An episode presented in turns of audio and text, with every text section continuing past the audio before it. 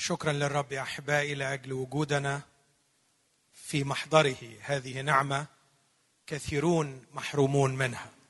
فدعونا نشكر رب أنه يعطينا الفرصة أن نجلس أمامه نسمع كلامه نفرح بشركتنا معا وبتسبيحنا للرب معا. أصلي من قلبي أن يعطي الرب بركة لكل نفس حاضرة لكل نفس تشاهد هذا الاجتماع في أي بلد من بلدان الدنيا وأصلي لأجل كل متألم كل موجوع كل شخص حائر أن يرسل الرب في هذا المساء رسالة تعزية وتعليم للجميع. هستأذنكم نقف مع بعض وهنقرأ جزئين من كلمة الله.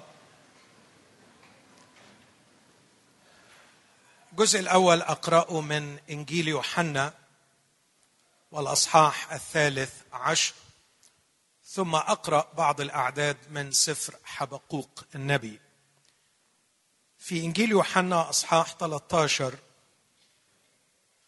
عدد 21 لما قال يسوع هذا اضطرب بالروح وشهد وقال الحق الحق أقول لكم إن واحدا منكم سيسلمني.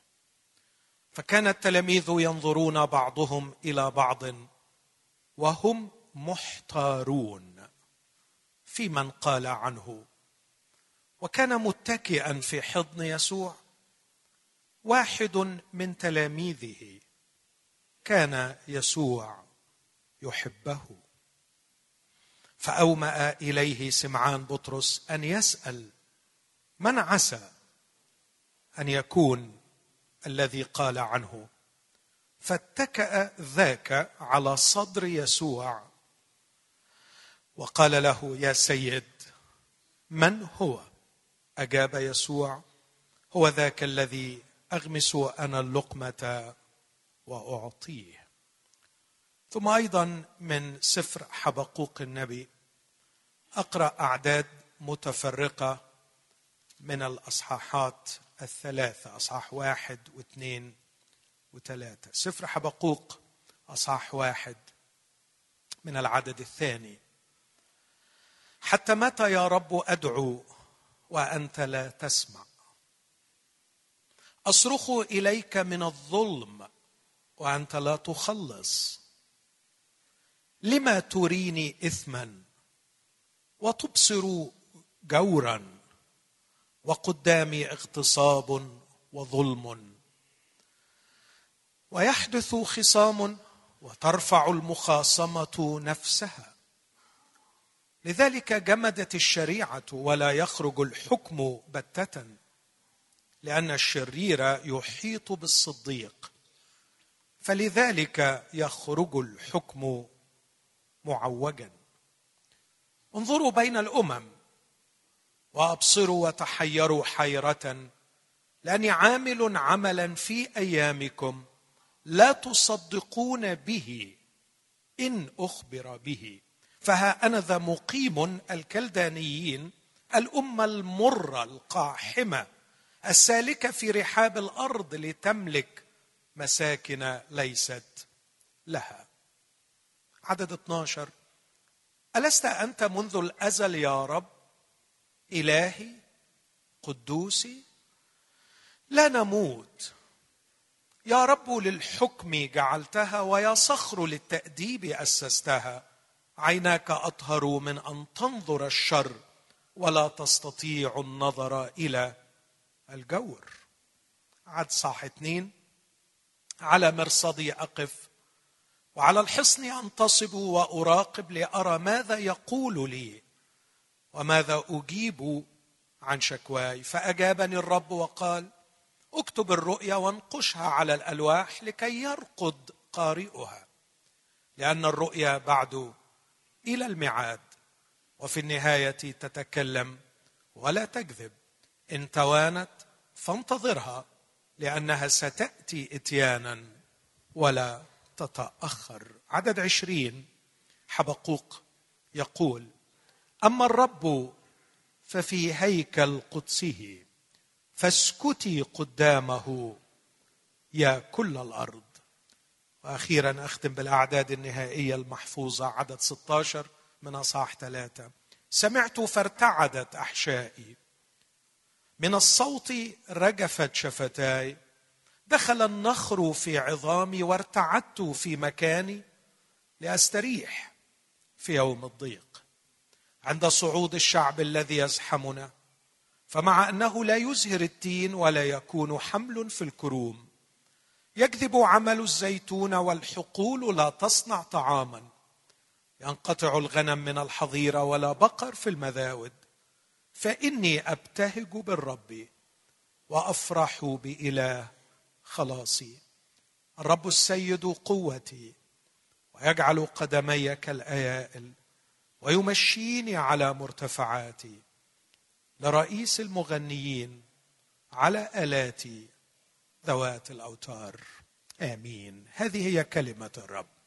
دعونا نقدم الشكر للرب ونطلب منه أن يتكلم إلينا. أرجو أن نستمر وقوف ونحن نقدم الشكر للرب. ونطلب منه بالتضرع أن يسكن هذه الكلمة الغنية.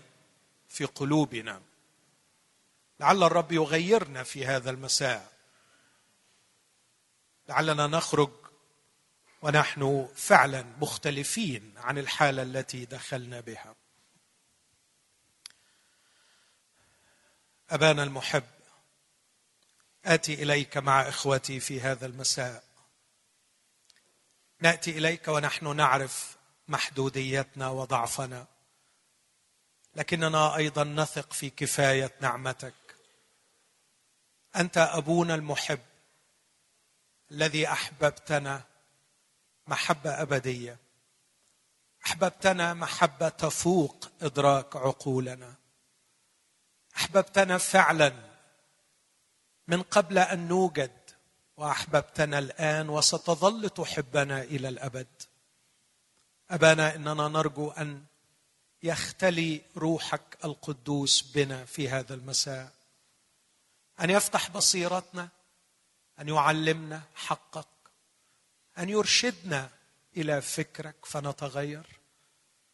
كما نرجو أبانا أن يختلي بنا ابنك الحبيب يسوع عريسنا حبيبنا الذي خطبنا لنفسه والذي هو ساهر على غسلنا من كل ما يلحق بنا ونحن في هذه البرية. ربنا الحبيب يسوع عروسك تحتاج إليك. فنعشها وعلمنا حقك. واسكن كلامك فينا بغنى. في اسم المسيح يا ابانا استجب آمين. تفضلوا. أعتقد منذ عام تقريبا في هذا الاجتماع يوم 6 مارس بالضبط بالصدفة النهارده كنت بصلي أتكلم في إيه فشعرت بدافع إني أتكلم عن الصمت الإلهي. بعدين تذكرت إن أنا وعظت في الاجتماع ده عن شيء قريب من هذا الشكل بعنوان الغموض الإلهي. فحبيت أشوف أنا وعظت إمتى الوعظة دي لقيتها يوم 6 مارس 2016 فبالضبط من سنة بالضبط ويبدو أن الرب يريد أن يكمل الحديث. ربما الرب رآنا نحتاج إلى المزيد لكني ربما لا أفهم الأسباب لكني أؤمن أن هذه رسالة الرب لنا. الرب يريد أن يتحدث إلينا تحت هذا العنوان. كيف نتعامل مع الصمت الإلهي؟ كيف نتعامل مع الصمت الإلهي؟ لا أعتقد أنه يوجد مؤمن. لا يوجد مؤمن لم يختبر هذه الليلة لم يختبر هذا الوقت الصعب. الذي فيه يشعر أنه يتحدث إلى الرب لكنه كأنه يتحدث إلى نفسه. كأن الرب لا يسمع. كأن الرب لم يعد يعبأ بصلاته لم يعد يهتم به. هذه الخبرة خبرة أساسية في حياة كل مؤمن فينا. المرة اللي فاتت قدمت أساس إلى حد ما لاهوتي لكن لضيق الوقت لم أركز على الجانب العملي. أجتهد بنعمة الرب أركز على الجانب العملي في هذا المساء. كيف نتصرف عندما نشعر بأن الرب صامت؟ اولا علينا أن لا نرتبك عندما نرى صمت السماء. وعلينا أن نوقن من أمرين. الأمر الأول أنه لا يوجد مؤمن مهما سما ومهما تعمق اختباره الروحي لا يعاني من فترات أحيانا طويلة يعاني فيها من صمت السماء. علينا أن نتيقن من هذا الأمر. باختصار أنت لست وحدك. كل شعب الرب اجتاز في هذا الاختبار هناك كتب كتب كتبت في هذا الاتجاه هناك رسائل دكتوراه اتعملت بخصوص هذه الحالة من الصمت الإلهي التي يختبرها كثير أو ربما على قدر علمي كل أولاد الله. الأمر الثاني الذي أؤكده لكل شخص يعاني من هذا الاختبار أن فترات الصمت الإلهي نافعة للغاية. أكيد وأنت فيها بتخبط وترزع وبتطلع وبتنزل بتبكي وبتكتئب وبتحتار وبتخاف. لكن خليني أطمنك بكل قلبي ومش بخدعك بقول لك بصدق. هذه الفترات نافعة للحياة الروحية بقوة. يمكن أثناء الحديث يكون عندي وقت أقول إيه الفوائد بتاعتها. لكن مش ده مشغوليتي. مشغوليتي إزاي نتصرف لما يكون في صمت إلهي. وأبدأ حديثي بكيف نتصرف؟ بالقراءة اللي قرأتها من إنجيل يوحنا. وأضعها تحت هذا العنوان. ما هو المكان الصحيح الذي منه نبدأ طرح أسئلتنا على الله من جهة صمته؟ ما هو المكان الصحيح الذي ينبغي أن نقف فيه أن نكون فيه؟ والذي فيه أو منه نطرح أسئلتنا على الرب من جهة صمته. أعتقد أنه في وضعين مختلفين ممكن نقف فيهم.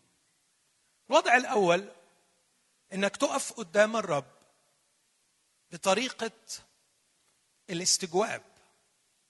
تقف قدام الرب بطريقة المعترض صاحب الحق وبالتالي كأنك بتوبخ الرب. لماذا؟ لماذا تصمت؟ وبأي حق تصمت؟ أعتقد أن هذا الوضع في الواقع ينم عن أيام ماضية في الحياة الروحية ما كانتش في وضع صحيح. إذا ظبطت نفسك بتستجوب الرب. إذا لقيت نفسك واقف قدام الرب وكأنه شخص متهم أمامك أخي الحبيب أختي الفاضلة علينا أن نراجع أنفسنا. علينا أن نراجع أنفسنا. اسمعوني أحبائي من فضلكم واحتملوني في هذا الأمر. في الأيام الأخيرة وبسبب تغيرات ثقافية كثيرة في المجتمع وتغيرات ثقافية كثيرة في العالم. ربنا ألف عينينا وبقينا متطرفين في الحديث عنه وفي الحديث إليه. لم تعد لله الخشية اللائقة به عندما نقترب إليه. لم نعد نشعر بهذا الارتعاد المقدس ونحن ننطق باسمه. لم يعد يا أحباءنا يمثل أمام عيوننا أنه هو الرب ونحن الطين صنعت يديه. لقد ضاعت الخشية الإلهية. أصبحنا نبغض السلطة لأسباب مختلفة وللأسف الشديد جعلنا الرب كأي سلطة وأصبحنا نرفضه. نسمع لغة أحيانا في الحديث عن الله لا تليق. أعتقد أننا نحتاج إلى التهذب الروحي الذي يجعلنا نختار ألفاظنا عندما نتكلم عن الله ونختار ألفاظنا عندما نتكلم إلى الله. قديما قال الرب في الموضع العالي المرتفع أسكن. لكني أسكن أيضا مع المنسحق الروح والمرتعد من كلامي. إخوتي الأحباء حولكم في الكنائس ومعكم على صفحات الفيسبوك انطلقت الألسنة بجرأة ووقاحة غير مسبوقة في التحدث عن الله وفي الهجوم على الله.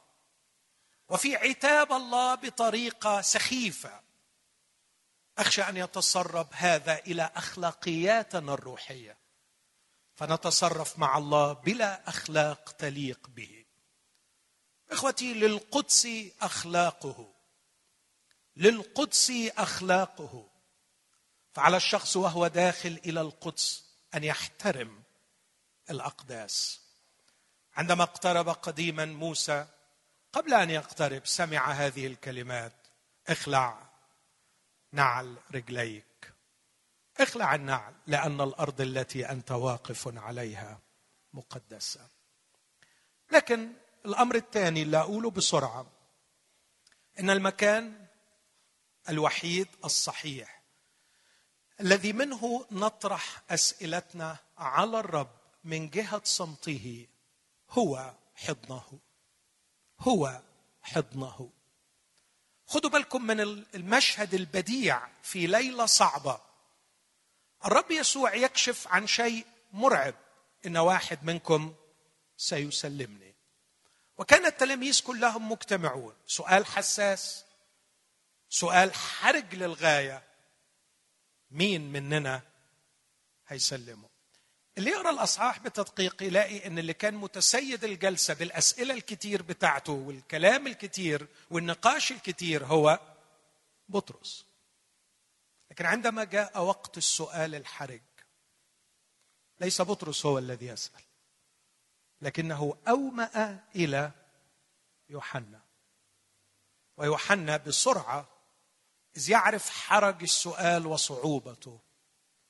أخذ المكان الصحيح.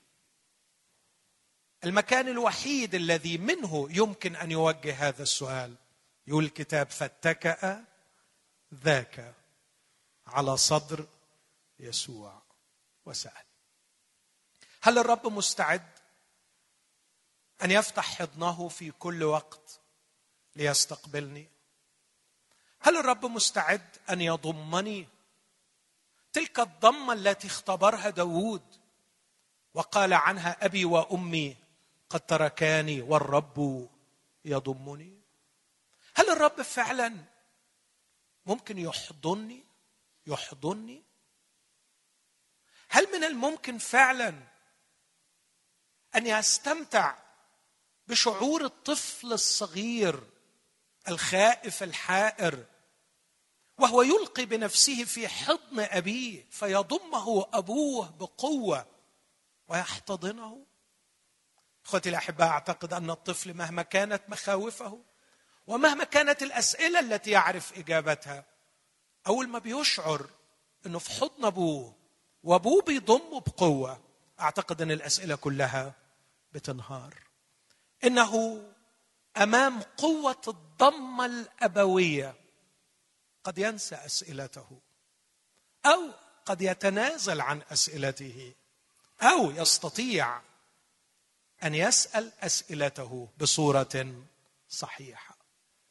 لكن المشكلة أنه عندما تأتي فترات الصمت الإلهي وبين قوسين أقول وهي فترات مبررة لها أسبابها. الله لا يصمت عبثا هناك أسباب. وده هنحاول نشوفه مع بعض.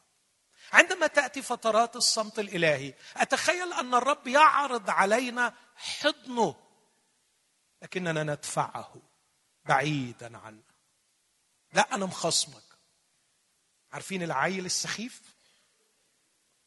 عارفين العيل المقموص؟ جربتوه؟ عارفين العيل الزنان؟ تعالى يا حبيبي. أنا ما بنكرش إن في مشكلة. أنا ما بنكرش إن في واقع مؤلم. أنا ما بنكرش إنك موجوع. أنا عارف. أنا عارف وجعك. أنا عارف ظلمك وغلبك. أنا عارف. أنا فاهم على فكرة. تعال يا حبيبي. تعال في حضني. تعال أخدك في حضني. وعلى فكرة لما هتدخل في حضني هتعرف تسأل صح. والأهم يا ابني إني لما أتكلم هتفهمني. بعيدا عن حضني لا بتعرف تسأل صح ولا إن أنا جاوبتك هتفهم اللي أنا بقوله. يا ابني اعقل تعال في حضن أبوك. تعال أدخل في حالة عناق. تعال عانقني. واتركني أستمتع بأبوتي لك فأعانقك. وأنت في حضني ستقترب أذنك من فمي فتسمع همسي وتستطيع أن تفهمني. لكنه بحماقة وغباء يدفع حضن اباه بعيدا ويقف في كبرياء الحماقة. جاوبني الأول فهمني الأول. أو الدين اللي أنا عايزه الأول وبعدين تبقى تحضني. غبي. غبي. والحماقة مرتبطة بقلب الولد. بس على فكرة في حل مش هيعجبكم. عصا التأديب تخرجها منه. الجهالة مرتبطة بقلب الولد. وكتاب بيقول عصا التأديب تخرجها منه. إن يوحنا كان هو الشخص الوحيد القادر على أن يطرح السؤال الصعب. لأنه كان في المكان الصحيح كان في الحضن. فاتكأ على صدر يسوع والحقيقة يسوع ما تأخرش. وبينما كان الجميع في حيرة. الكتاب يقول فاحتاروا. الكتاب قال إنهم احتاروا. كانوا محتارين. الوحيد الذي حصل على الإجابة هو يوحنا لأنه كان يتكئ في حضن يسوع. كان يوحنا يتمتع بهذا الامتياز أن اسمه التلميذ الذي كان يسوع يحبه وكان هو الذي يتكئ في حضن يسوع. حبقوق عجيب جدا أن معنى اسمه عناق. كلمة حبقوق بالعبري معناها عناق. يعني ينبغي أن يعيش اسمه أن يختبر فعلا هذا الاختبار. اختبار الحب الحقيقي بينه وبين الرب الذي نحتاج إليه جميعا الذي عبرت عنه العروس بالقول الجميل وهي تصف الحب الذي نحتاج إليه شماله تحت رأسي ويمينه تعانقني. أنا نفسي تصدق إن في عناق إلهي ونفسي تصدق إن في حضن إلهي. ونفسي تصدق بكل قلبك إن دي مش مشاعر ولا مجرد أفكار لكنه شيء حقيقي يحدث فعلا. أبي وأمي قد تركاني والرب يضمني. إنها ضمة حرفية حقيقية. كان ينبغي على حبقوق أن يختبرها. لكن ما أعرفش إيه الأسباب. ما اختبرش الضمة ما عانقش الرب ما وقفش في المكان الصح. وفي نفس الوقت الظروف حواليه كانت ظروف سيئة للغاية. فابتدى يتكلم الكلام ده. وفي الأصحاح الأول أشوف ثلاث أفكار أقف عندهم بسرعة. الفكرة الأولى صرخة غير مسموعة. والفكرة الثانية استجابة غير مرغوبة. والفكرة الثالثة تغيير غير متوقع. الصرخة غير المسموعة يصفها حبقوق بالقول. حتى متى يا رب أدعو وأنت لا تسمع؟ لغاية إمتى أنادي عليك وأنت ما بتسمعش؟ أصرخ إليك من الظلم وأنت لا تخلص. بناديك ما بتسمعش. بصرخ لك. ما بتستجبش. إيه المشكلة في هذه العبارة؟ أعتقد إنه أول مشكلة مفهوم خاطئ للصلاة. إيه الصلاة في نظرنا؟ الصلاة إن في حاجة غلط أنا شايف إنها غلط وأنا مش قادر أصلحها أطلب من الرب إنه هو يصلحها. هي دي الصلاة. في حرمان من شيء معين أنا محتاج إليه أنا مش قادر أحققه أقول للرب والرب يجيبه. هي دي الصلاة. هي دي الصلاة. لا أنكر إن هذا شيء يحدث أثناء الصلاة لكنه ليس هو الصلاة. الصلاه ليس إني أنا أقرر الحل ثم أطالب الرب بأن يحل. ليست هذه الصلاة. على فكرة عندما تفكر بهذه الطريقة في الصلاة قلبت الوضع وبقيت أنت الكبير وهو الصغير حضرتك العقل اللي بيرى الحلول ويقترح الحلول وما دور الرب إلا منفذ للحلول. إيه المشكلة كانت عند حبقوق؟ كان واضح إن في ظلم وفي اغتصاب وفي إثم وفي جور. وحبقوق رأى وحط لستة قدام الرب قال له اعمل كذا وكذا وكذا والرب لم يسمع. حبقوق صعب عليه وابتدى يتلخبط. كان عنده مفهوم غلط للصلاة. وبالتالي لم يستمتع بالشركة مع الرب. الصلاه من وجهة نظري تختلف عن إنه أملي على الرب طلبات أو أقترح حلول وأطلب منه أن ينفذها. الصلاة هي إني ألقي بنفسي في حضن الرب. أدخل إلى حضنه وأسكب شكواي واشاركه أفكاري وأنتظر أن أرى رؤيته وأسمع رأيه فيما أنا اجتاز فيه. لكن هذا المفهوم الخاطئ للصلاة أدى إلى افتراضات خاطئة افتراضات خاطئة. بص الفرض الخاطئ اللي بعده يقول له لما تريني اثما؟ ولما تبصر جورا؟ لما تريني اثما؟ يعني الإثم اللي حاصل على الأرض مين اللي عامله؟ مين اللي عامله؟ الرب. أنت ليه بتوريني كده؟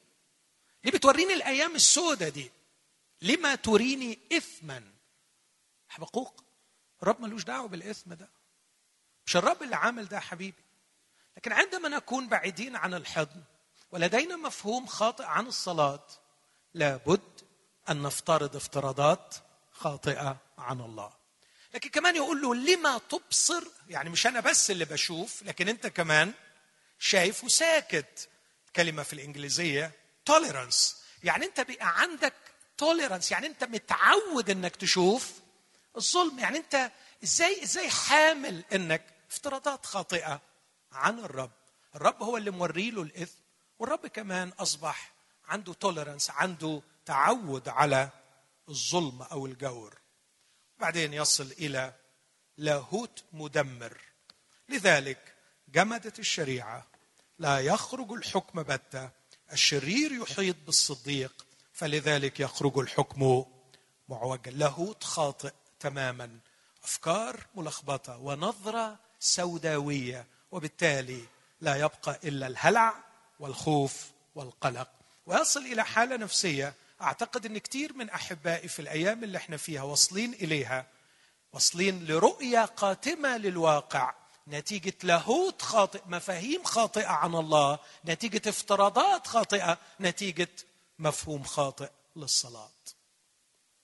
لكن نعمة الرب إنه جذب هذا الشخص إلى حضنه بالقوة غالبا علشان يسمعوا كلامه.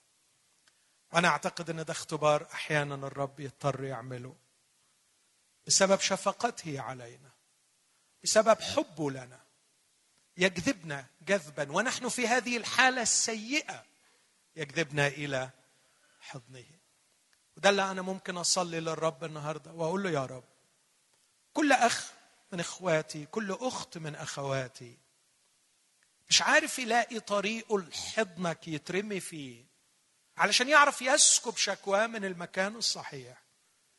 أنا بتوسل إليك يا رب إنك تشده بالعافية. شده بالعافية. وانت صلي وقول له يا رب شدني بالعافية لحضنك. شدني بالعافية لحضنك. لعلي أسمع رأيك. جابوا الرب. وهنا تأتي النقطة الثانية. ابتدى الرب يتكلم. انت زعلان من إيه؟ قال له زعلان إيه؟ انت مش شايف؟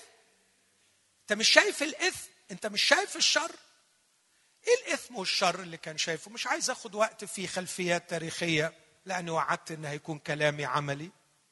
لكن بس علينا نعرف إنه الاسفار النبوية الصغيرة اللي بيسموهم الأنبياء الصغار 12 سفر منهم ثلاثة مكتوبين عن بلاد أممية اثنين عن نينوى وواحد عن أدوم نحوم ويونان عن نينوى وعبادية عن أدوم. وفيهم ثلاث أصفار اتكتبوا عن إسرائيل فيما بعد السبي بعد ما رجعوا من؟ سبي يهوذا اللي هم آخر ثلاث أصفار حجاي وزكريا. وملاخ وبعدين عندنا ست أصفار. أربعة منهم مكتوبين عن المملكة الشمالية إسرائيل قبل أن تسبى واثنين منهم مكتوبين عن مملكة يهوذا الجنوبية قبل أن تسبى منهم حبقوق. حبقوق وصفانيا مكتوبين عن مملكة يهوذا قبل أن تسبى الكلام ده تقريبا كان تقريبا سنة 609 ل 606 قبل الميلاد. كان في الوقت ده الملك على على يهوذا شخص شرير للغاية اسمه يهويقيم. ويهويقيم ده أبوه كان يوشيا الملك. وأقول لكم بس حادثة واحدة توريكم سواد الأيام اللي كان فيها حبقوق يوشيا أبو يهويقيم في يوم من الأيام جاب له الكاهن سفر شريعة الرب. وقال له لقينا ده في الهيكل وإحنا بنعمر. قال له اقرأ لي منه. فعندما سمع كلام الشريعة مزق ثيابه شاعرا بالخطية. وقام إلى توبة حقيقية ونهضة عظيمة. فعندما سمع الشريعة مزق ثيابه ابنه يهويقيم راح له ارميا بالشريعة بكلام الرب. وقال له الرب بيقول كده يا يهوياقيم اللي أنت بتعمله شر طبقا للشريعة. تعرف راح عمل إيه مزق سفر الشريعة. وألقاه في المدفأة. ألقاه في النار. وأرسل إرميا إلى السجن. واليوم للأسف الشديد كثيرون يمزقون سفر الشريعة. لا يمزقونه حرفيا لكن يمزقونه فكريا. ولا يحترمون كلمة الرب. إننا في أيام حقيقة صعبة. كانت هذه هي الأيام التي عاش فيها حبقوق. يرى سفر الشريعة يمزق ويرى الشر في الشارع ويرى الظلم. ولما تقرأ كم الشرور اللي كان بني إسرائيل بيعملوها أو بني يهوذا بيعملوها تشوف الرعب اللي كان حبقوق متألم منه. فبقول له يا رب لغاية إمتى الناس دول يفضلوا يعملوا الشر وإنت ساكت وهو نفسه مظلوم منهم؟ الرب خده في حضنه ورد عليه. قال له أقول لك يا حبقوق؟ آه طبعا ما أنا من بدري قاعد. قال بس تعرف يا حبقوق الرد اللي عندي رد غير مرغوب فيه. والكلام اللي هقوله لك لا تصدقون به إن أخبر به أحد. ما حدش هيصدقه. إيه الحكاية؟ الكلام اللي هقوله لك اولا ما كنتش هتفهمه ما كنتش هتقبله ودلوقتي لولا إنك في حضني لولا ان أقدر أقوله لك. لأني لو قلته لك وأنت بره حضني الوضع سيزداد سوء. عشان كده أنا شديتك لحضن إيه الحكاية؟ في إيه؟ قال له أنت شايف إيه؟ قال له ما أنا قلت لك. شايف شر إثم ظلم جور. قال له أنا هتدخل. بجد؟ طب مش تقول لي؟ أنت ناوي تتدخل؟ آه طبعا هتدخل. طب ما هو ده اللي أنا بصرخ لك. لي من بدري؟ صح بس أنت كنت بتصرخ ومستني مني إيه؟ مستني إنك تخلي الناس تبقى حلوة. وتبطل الخطية اللي هي بتعملها. قال له أما طلب ساذج صحيح. طب وإذا الناس مش عايزين يبقوا حلوين أعمل إيه؟ إذا الناس مش عايزة تبقى حلوة على فكرة أنا أنا ما تأخرتش يا يا فتك. على فكرة يعني أنت ما جبتش الديب من ديله يعني. على فكرة أنت يعني لما بتقولي تخلي الناس حلوة أنا ما وريش حاجة أنا وروحي القدوس طول الوقت إلا إن عايزين نخلي الناس ده روحي بيجي بيجاهد وبيبكت وبيعاتب. ما حدش عايز يبقى حلو يا حبقوق ما حدش عايز يبقى حلو. طب وبعدين يعني؟ طب أعمل إيه يا حبقوق أنت شايف أعمل إيه؟ اديهم على دماغهم. قال له بس هو ده اللي هعمله. هو ده اللي هعمله. ها أنا ذا مقيم الكلدانيين. الأمة المرة القاحمة. اللي ما بترحمش. إنما الذي يزرعه الإنسان إياه هو ده حبخوخ اللي هيحصل. هيجوا الكلدانيين وهيدخلوا على أرضك وهيعملوا عمايل سودة في شعبك. وهو ده القضاء. وعلى فكرة هتعامل بالعدل بالضبط ولن اطلاقا اطلاقا أعاملهم بالظلم. بس اللي عملوه هيلاقوه. إيه رأيك يا أبو حبقوق؟ ركبه ثابت. يا دي المصيبة بقى هو ده التدخل. آه هو ده حبيبي. أنت من بدري عمال تقول حتى متى اصرخ إليك من الظلم وأنت لا هو كلامه خلاص؟ حبقوق طب ماشي أخلص. أخلص إزاي؟ ما ما عنديش غير طريقتين للخلاص. يا إما أخلي الناس تتوب وتبطل ظلم يا إما أعمل إيه؟ أقضي. ولا عايز نعمل إيه؟ وأنا هقضي يا حبقوق. لأن اديتهم فرصة سنة ورا سنة ومئة سنة ورا مئة سنة. ولم يزالوا يفعلون الشر. حبقوق أنا طويل الروح وكثير الرأفة. لكن في النهاية ما أقدرش. من أجل قساوتك وقلبك غير التائب تذخر لنفسك غضب في يوم الغضب. أنا هضطر أقضي يا حبقوق. هقضي. اسمع كده معايا العبارات دي. في عدد خمسة. انظروا بين الأمم. ابصروا وتحيروا حيرة. لأني عامل عملا في أيامكم لا تصدقون به إن أخبر به. فها أنا ذا مقيم الكلدانيين الأمة المرة القاحمة السالكة في رحاب الأرض لتملك مساكن ليست له هي هائلة. وعد يوصف له رعب القضاء اللي جاي على هذا الشعب. ابتدى يتكلم الرب لغاية عدد 11 لما يقول له ثم تتعدى روحها فتعبر. كلمة روحها هنا ممكن تبقى ريح وده دايما بيحصل في العهد القديم الروح والريح كلمة واحدة. كأنها تتعدى استعبروا كالريح وتأثم لأنها للأسف الشديد هذا هو إلهها الذي تعبده هو قوتها. فهي ترى أن قوتها هي إلهها. ربي بيوصف له الكلدانيين. وبعدين الرب هيجي وهيقضي على الكلدانيين بعد كده. لكن أجي للنقطة الثالثة في الأصحاح ده. نفاجأ بقى أن موقف حبقوق يتغير 180 درجة. تغير غير متوقع. كانت هناك صرخة حبقوق يفترض أنها غير مسموعة. الحقيقة مسموعة بس الرب بيأجل الاستجابة لأنه مش عايز يقضي. لكن لما حبقوق أصر جذبوا الرب إلى حضنه وكشف له الحقيقة أن أنا هتدخل بالقضاء وقال له على القضاء المروع. فوجئنا أن موقف حبقوق يتغير تغير غير متوقع. لكن الحقيقة بدأ بأفضل شيء. بدأ بتغيير الموقف اللاهوتي من ناحية الله. كان عنده لاهوت غلط كان عنده مفاهيم غلط عن الله. الله في أول الأصحاح يريه الإثم ويبصر هو نفسه الجور. ما عندوش مانع يشوف الجور. والله لا يتدخل لا يتدخل في شر الناس ولا يتدخل في حال الأرض. شوف الظلم وساكت. بص النغمة الجديدة دي من فضلك وانت حاول تحكم بنفسك. بص الأسلوب الأول حتى متى اصرخ إليك من الظلم وأنت لا تخلص. بص عدد 12 ألست أنت منذ الأزل يا رب إلهي قدوسي إيه رأيكم في اللغة دي؟ في تغيير ولا ما فيش؟ ها؟ عارفين ال يعني نخ خالص. اتغير خالص. يعني ده دلع يعني. يعني واحد بيتكلم كده بلغة إيه يعني؟ لا لا يعني ده لا أنت حبيبي. أنت إلهي. وأنت قدوسي. يعني أنا بقيت إلهك دلوقتي يا حبقوق. آه أنت إلهي. وأنا قدوس. ده أنت مش بس قدوس ده أنت قدوسي. أنت قدوس وتبعي. أنت حبيبي. يا في تغيير بهذا الشكل يا حبقوق؟ بسرعة كده. اتغير رأيك. آه. آه أنا متأسف. أنا مكسوف من نفسي.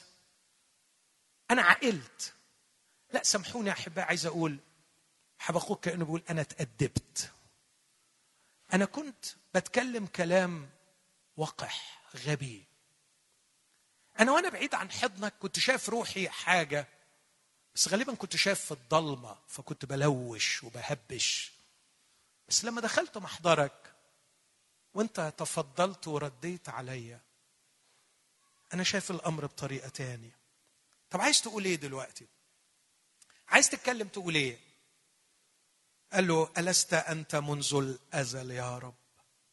إلهي قدوس. تعرفوا الكلمة دي أنت منذ الأزل يا رب؟ بيرجع بيرجع للكتاب وبيرجع للإعلان الصحيح. بيرجع للرب يوم ما ظهر لموسى. وبيقول له طب أنت اسمك إيه عشان أقول للشعب؟ قال له أنا أهيا الذي أهيا. ملاخي اعتمد على الكلمة دي وقال له يا رب أنت أنت الرب يهوى.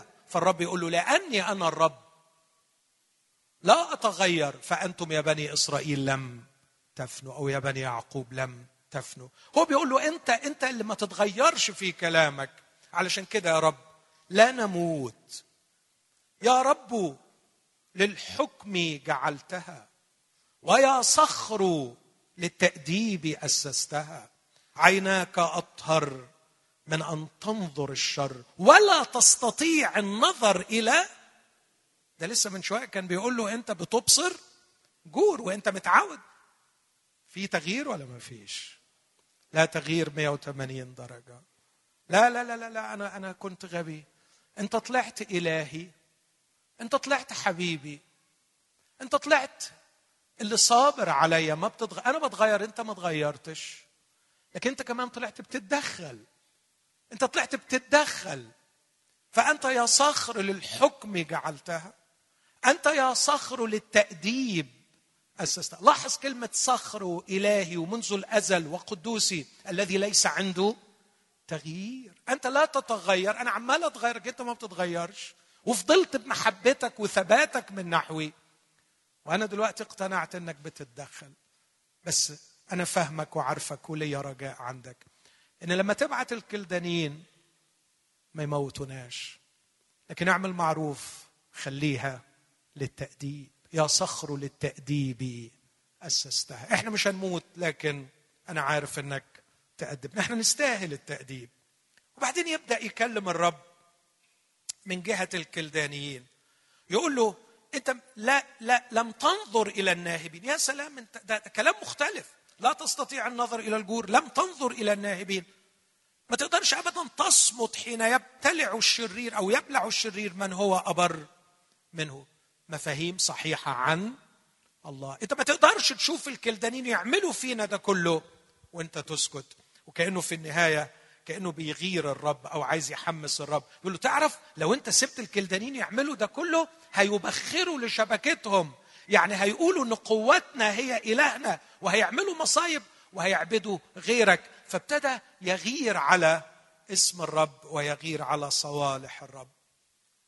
طب وبعدين؟ بعد ما تصلح الرأي ابتدى يقف في المكان الصح.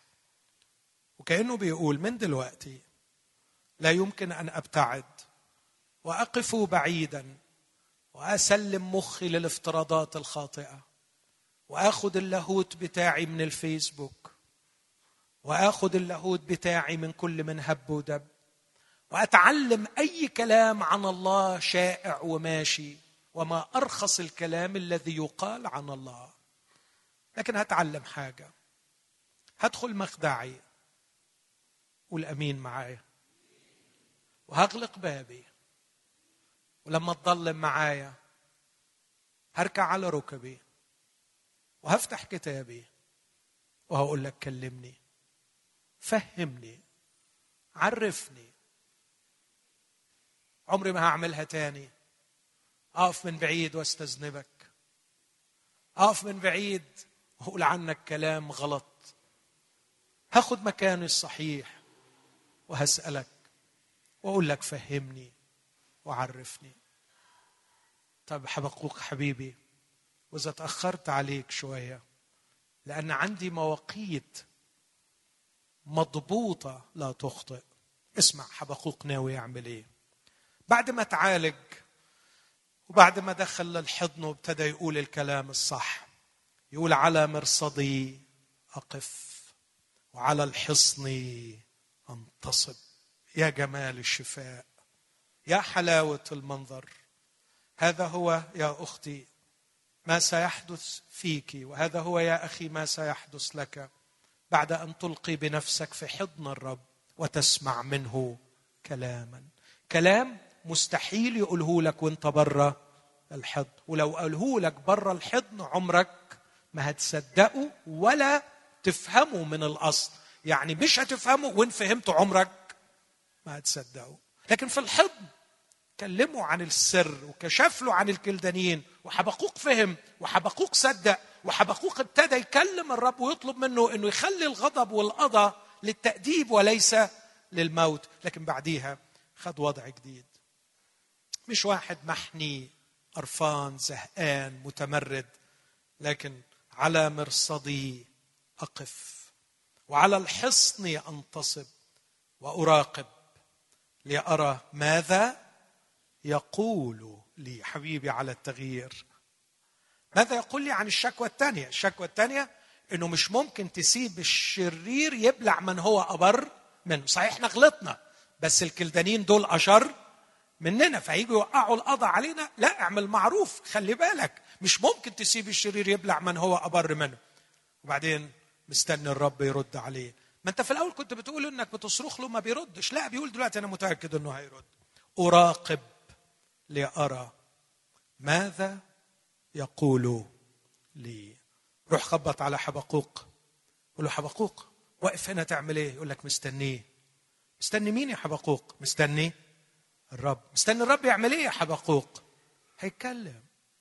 وأنت متأكد إنه هيتكلم؟ آه طبعا هيتكلم هيتكلم. بس ما أنا قابلتك الأسبوع اللي فات كنت بتقول ده ما بيردش. كنت عبيط كنت غلطان. كنت ماشي ورا الكلام الفارغ اللي بيقولوه الناس. كنت باخد تعليمي اللاهوتي من الفيسبوك مش باخده من القعدة في محضر الله قدام كلمة الله. كنت واخده من ثرثرة الناس كل من يريد أن يثرثر يثرثر. والناس تمشي ورا الثرثرة وتسمع الكلام الفارغ وتاخد موقف غبي من الله. الذي بيده نسمة الحياة. لا هقف على المرصد وأنتصب وأنا متيقن أنه سيأتي ويتكلم. وهو واقف وبيرد على الشخص اللي بيقول له واقف ليه؟ يقول له واقف مستني اشوفه هيقول إيه على الشكوى بتاعتي وأرد على الناس أقول إيه؟ أقول لهم إيه بعد ما قلت لهم أكيد هيتكلم وهيرد عليا. يرد عليه الرب. رد جميل. وكأنه يقول له حبيبي أنا بأكد إن كلامك المرة دي صح. وأنا بأكد لك إني هتكلم. فأجابني الرب وقال عدد ثلاثة اكتب الرؤيا وانقشها على الألواح لكي يرقد قارئها. اكتبها بوضوح شديد لكي ما يقرأها الجميع ولكي ما يرقد كل قارئ. منفذا ما في هذه الرؤيا. وأنا أعتقد أنه يرقد يرقد إلى الحضن المفتوح. عندما تكتب الرؤيا أن القضاء قادم يا حبقوق عندما تقول لبني يهوذا إنه في غضون سنوات ستأتي الأمة المرة القاحمة وستوقع القضاء علشان اكتبها بوضوح خليك أمين واكتبها علشان كل اللي يقراها يعمل إيه؟ يرقد إلي. يهرب من الغضب الآتي يهرب من الدينونة الآتية. حبقوق روح قل لشعبك حضني مفتوح. ومستنيهم والقضى جاي. واكتبها بوضوح. لكي يرقد قارئها. لكي يرقد قارئها. لأن الرؤيا بعد إلى الميعاد. لها الميعاد بتاعها حبقوق. بس اسمع وفي النهاية تتكلم. ولا تكذب.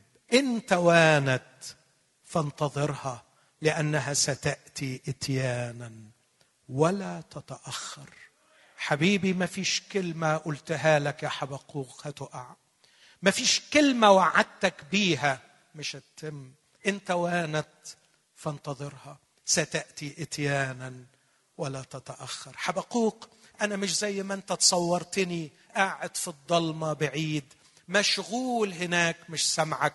حبقوق أنا شايف أنا سامع. حبقوق أنا بتدخل وبتدخل في مواعيدي. الشاطر يفهم. قبل الميعاد أنا هتدخل إزاي؟ وهعمل إيه؟ ويتصرف إزاي؟ قصاد اللي هيفهمه عن التدخلات الإلهية. لكن أوعى أوعى الغي ياخدك والحماقة تاخدك وتظن أن الله بسبب طول أناته منفصل. عن الواقع وما يجري فيه. سيتدخل. إن توانت فانتظرها. ستأتي إتيانا ولا تتأخر. هو يرد. حبقوق وهنا ديالوج. يقول له هو ذا منتفخة غير مستقيمة نفسه فيه. حبقوق بيقول له كده على نبوخذ نصر. ملك بابل اللي هيعمل المرار ده. وكانوا بيقول له بس ده راجل مجرم. ده راجل هيعمل عمايل سودة فينا. يرد عليه الرب بالقول الرائع اللي بولس كتب عليه ثلاث رسائل. غلطية وفي العبرانيين وفي روميا. يقول له صح هو منتفخ نفسه فيه وهو هيعمل عمايل سودة لكن البار بإيمانه يحيا. في وسط هذا الظلام تمسك بإيمانك حبقوق. وفي وسط القضاء يا حبقوق أنت ستحيا وستنجو من القضاء لأنك ستعيش بالإيمان. نعم هو نفسه منتفخ فيه وهو غادر وأثيم لكن البار بإيمانه يحيا. وابتدأ بعدها حبقوق يمتلئ بالحماس وينطلق إلى كل شعب الرب يبلغهم رسالة القضاء.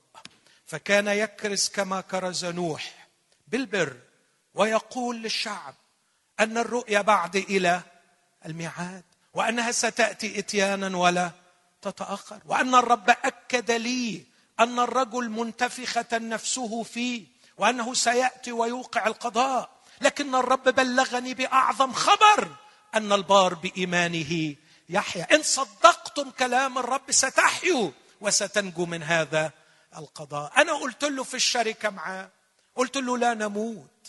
بل نحيا. لا نموت. يا صخر للحكم جعلتها للتأديب أسستها. تاديبا تؤدبنا لكن إلى الموت. لا تسلمنا أنا طلبت منه الطلب ده وهو وعدني وقال لي على الرغم من القضاء اللي جاي وعلى الرغم من إني سأرسل نبوخذ نصر المنتفخ الأثيم لكني بوعدك روح بلغ كل الشعب. القضاء جاي لكن البار بإيمانه. يحيا إن عشت بالإيمان وإن تمسكت بالعلاقة مع الرب سوف تنجو من الغضب. وفي وسط الغضب ستعيش حيا ناجحا منتصرا. لا أكثر من كده. هتشوف هتعيش إزاي. فابتدى بسرعة ينطلق إلى كل ربوع الشعب. يبلغ كل من يراه. يقول لهم هذه الكلمات. بص كده بسرعة شديدة معايا. عمال يقول لهم في عدد ستة مثلا يقول ويل للمكثر ما ليس له. إلى متى؟ وللمثقل نفسه رهونا. ألا يقوم بغتة مقارضوك راح يكلم الناس اللي عاملين يستلفوا فلوس من بعض عشان يبنوا بيوت وعلشان يتبسطوا علشان يعملوا مشاريع. وهو شايف القضاء جاي بيقول لهم يا خيبانين مش وقته مش وقته خالص فوقه. ده في قضى جاي. دلوقتي ما فيش غير شغلانة واحدة البار بإيمانه. يحيى فوقوا من اللي أنتم بتعملوه فكان يكرز لشعبه. يقول لهم ألا يقوم بغتة مقارضوك عدد سبعة ويستيقظ مزعزعوك فتكون غنيمة لهم؟ بعدين يروح لعدد تسعة. ويل للمكسب بيته كسبا شريرا ليجعل عشه في العلو. لينجو من كف الشر تآمرت لخزي بيتك. كان في ذهنه ينطق بالويلات. على نبوخذ نصر اللي هيقضي لكن كمان على الشعب اللي بيرتكب نفس الخطايا اللي بسببها ربنا باعت نبوخذ نصر لكي ما يقضي عليه. ويل للباني مدينة بالدماء. ويل ويل ويل. وعمال يوصل الرسالة اللي الرب قالها له. اكتب الرؤيا. انقشها لكي يرقد قارئها. يرقد هاربا إلى حضن الرب لينجو من الغضب الآتي. طب وانت يا حبقوق في الوقت ده لما هيجي القضاء وهيقع انت مطمئن انه كل شيء هيكون تحت السيطرة؟ اسمع الكلمات الجميلة. وشوف الفارق الشاسع بين بداية أصحاح واحد ونهاية أصحاح اثنين. نقلة غير عادية. في أول أصحاح واحد الرب صامت. الرب ما بيتكلمش. الرب ما بيتدخلش. في نهاية أصحاح اثنين كلمة عبقرية رائعة جميلة. أما الرب ففي هيكل قدسه فاسكتي قدامه يا كل الأرض. إنه على العرش. إنه مسيطر إنه يخضع كل الأرض إنه لم يفلت الزمام من يده قط. اسكتي قدامه يا كل الأرض. ثم ابتدأ في أصحاح ثلاثة. يكشف ما في قلبه من خبرات روحية. وصل إلى القمة الروحية في حضن الرب. فيقول له يا رب قد سمعت خبرك خبرك فجزعت. هنا الجزع المقدس جزع الإعجاب والدهشة. يا رب سمعت خبرك فجزعت.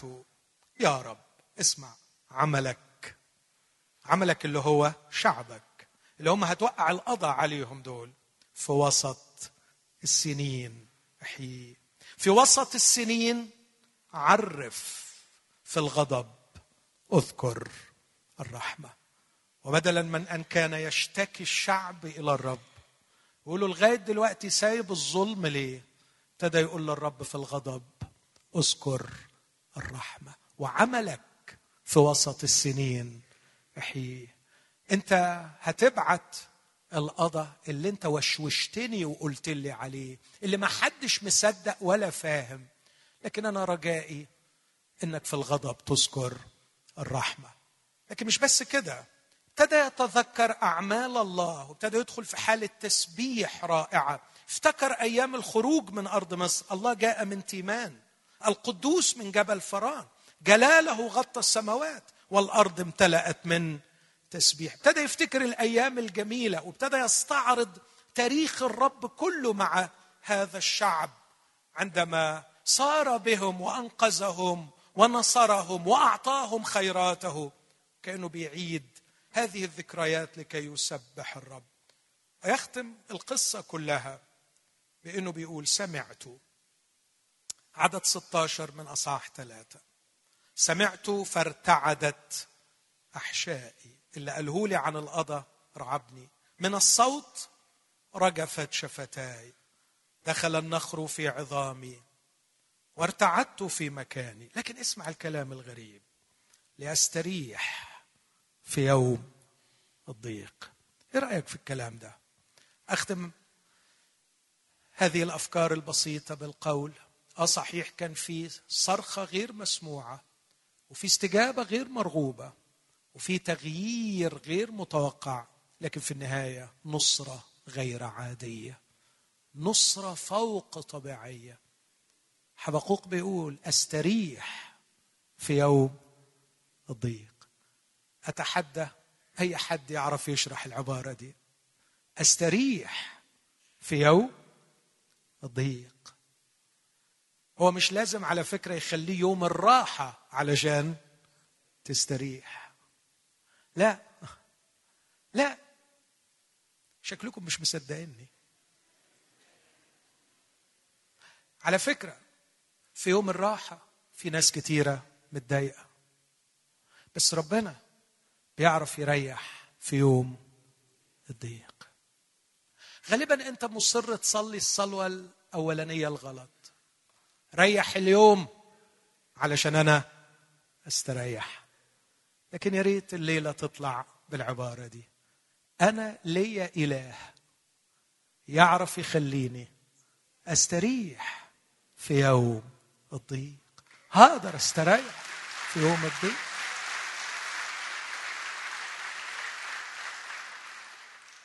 احفظ معايا الآية دي.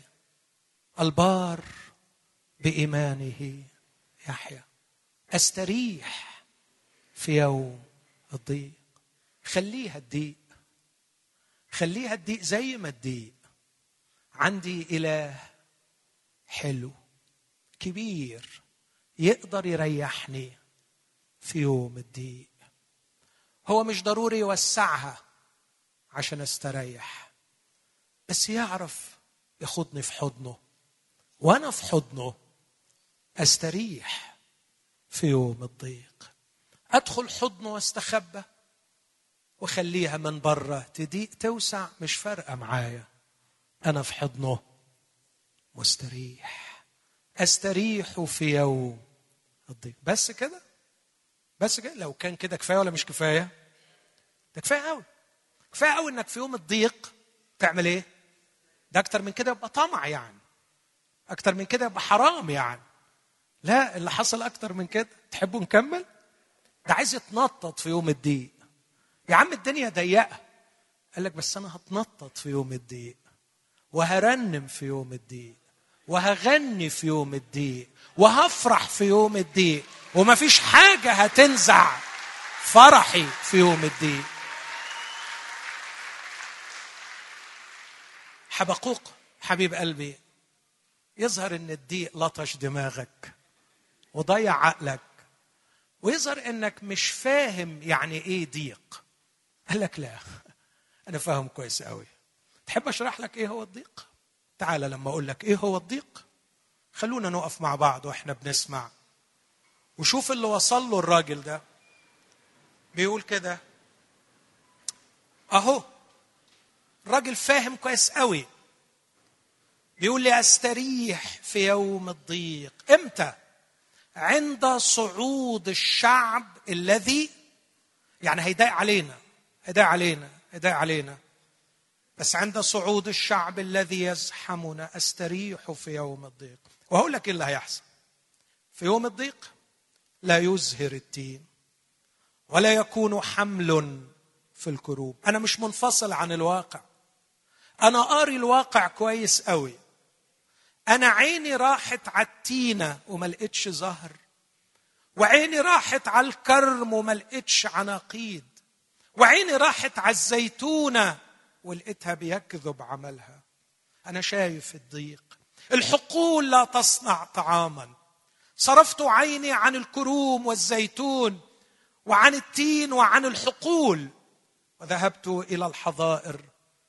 لا يوجد غنم في الحظيرة ولا بقر في المذاود لا الغيط فيه ولا البيت فيه لكن وأنا في الحضن مستريح وأقدر أرنم وأقول فإني أبتهج بالرب وأفرح بإله خلاصي الرب السيد قوتي ويجعل قدمي كالأيائل ويمشيني على عجبي. عجبي فعلا. حبيب قلبي كان بيفرح بالبقر قبل كده وكان بيفرح بالغنم قبل كده كان بيفرح بالكرم والزيتون بس الرب حب يرقيه ويخليه يعرف يفرح بي أفرح بإله خلاص. أبتهج بالرب. إخوتي مش عارف يعني يا حبقوك كان لازم يضلمها من بره قوي علشان تعرف تدخل جوه قوي. كان لازم يقطعها من بره قوي مية ونور وي ويقفلها قوي علشان تقول فإني أبتهج بالرب وأفرح بإله خلاصي. يا حبايب الرب يعرف يريحكم في يوم الضيق ويعرف يخليكم تبتهجوا في يوم الضيق. لا أنا عايز أقول لك على حاجة أخيرة. الراجل ده ناوي يرقص. بيقول لك السيد الرب يمشيني على حاول تتخيل واحد بيمشي على المرتفعات. ده بيعمل إيه ده؟ ها؟ ده بيرقص صدقني. يا عم بيمشي على المرتفعات دي هي مضيقة قوي. قال لك لا أمشي على مرتفعاتي. السيد الرب قوة ويجعل قدمي كالايال وهمشي على مرتفعاتي. تدخلش كده للحضن النهارده وترمي روحك في المكان الصح وتبطل الزن بتاع العيال. ولا جاوبني الأول وفهمني الأول. يا أخي ما تبقاش فقري. ما هي مقفله من كله. ما أنت ما عادش باقي لك إلا حضنه. ما عادش باقي لك إلا حضنه. والخبر اليقين اللي عندي اللي هقعد أكرز بيه لآخر نسمة في عمري. حضنه عمره ما اتقفل في وش حد. ولا عمره داء على حد. ولا عمره هيمل من حد. عمره ما اتقفل في وش حد. ولا عمره داء على حد. ولا عمره هيمل من حد. شفت أمهات كتير لما الواد يطول في حضنها بتزق. روح بقى يا خلينا أشوف شغلي. لكن إن قعدت في حضنه سنين عمره ما يزهق منك. ولو تقلت قوي وزادت مشاكلك لن يضيق حضنه عليك يوما ولن يمل منك ابدا. خلونا نسبح هذا الإله ونفرح به خلوني أقول له أنا هفرح بيك. هفرح بيك علشان أنت اللي بتغنيني. وأنا ههتف ليك علشان أنت مش علشان الضيق. الضيق ما يجيبش فرح. لكن أنا هستريح في يوم الضيق خد الدقايق دي من فضلك. خد الدقايق دي غير فيها موقفك. غير فيها موقفك من موقف الشاكي. من موقف الشاكي لموقف اللي بيلقي بنفسه في حضن أبيه. ارمي روحك في الحضن وقول له خلاص فهمت. بعد كده لما تضيق معايا هدخل حضنك وبأدب هسألك وهستنى جوابك علشان أفهمك. والكلام اللي هتقوله لي هصدقه. والبار بإيمانه يحيى وحتى إن كان في ضيق ما تفرقش معايا لأني عارف إن أقدر أستريح في يوم الضيق. في حضنك هستريح. في حضنك هرنم. في حضنك هبتهج. ليأتي أي حال. إن كنت في قصر أعيش أو كوخ بلا حمى سيانة عندي. طالما أني في حضن أبي لن أخاف. خلينا نقول له أنا هفرح بيك أنا هفرح بيك.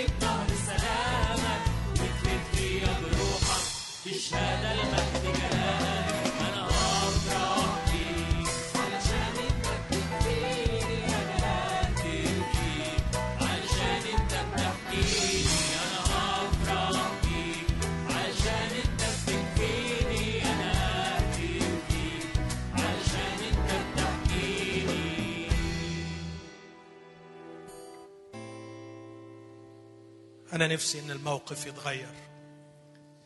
نفسي إنك تطلع الليلة مختلف. نفسي إنك ما تروحش زي ما جيت. صدقني ما عنديش غير يقين واحد لا يهتز قط. يسوع قام من الأموات. وهو حي. هو حي. يسوع قام وصعد إلى السماء وهو يجلس الآن عن يمين الآب يشفع فيا وبيقول لي نفس الكلام. بيقول لي أعرف اريحك في يوم الضيق. وأعرف أفرحك لما كل الموارد تنضب. أنا أكفيك. أنا أكفيك. بخصمه بخصمه غباء. غباء. غباء تخاصم الشخص الوحيد اللي فتح لك حضنه. دور كده على كل الأحضان اللي حواليك. ضاقت عليك وملت منك. خدت وما ادتش بس حضنه ده الخبر حضنه مفتوح. أرجوك صدقني في اللي بقوله لك. نفسه يعانقك. نفسه يعانقك. هذا ما تعلمته من يسوع. عندما جاء الابن الضال وقع أبوه على عنقه وقبله. نفسه يعانقك ويغفر خطاياك ويغطي كل اللي فات. ويقول لك قد انتزع إثمك وكفر عن خطيتك وانت تغني وترنم وتقول أستريح في يوم الضيق. وتقول السيد الرب قوتي يجعل قدمي كالايائل يمشيني على مرتفعات ترمي في حضنه. غمض عينيك وترمي في حضنه. قل له اشعرني باني في حضنك دلوقتي. ضمني. ضمني. أنا كالطفل الصغير. ضمني. ما عادش ليا مكان في الدنيا أستريح فيه إلا حضنك. وحضنك كفاية عليا. قل له أنا مصدق اللي قاله النهارده الأخ ده. حضنك لن يغلق. في وجهي ابدا. ولن يضيقوا علي يوما. ولن يملوا مني ابدا. عايز أعيش وأسكن في حضنك. بخوفيك تظللني. وتحت جناحيك أحتمي. فلا أخاف من وبأ يسلك في الدجى. ولا من فساد يهلك في الظهيرة يسقط عن جانبي ألف ربوات عن يميني. لكني في كل هذه أنا مطمئن فأنت نوري وخلاصي. أنت أبي وملجئي صخرتي وحصني. أنت الحضن حضن الأب الذي أحتمي فيه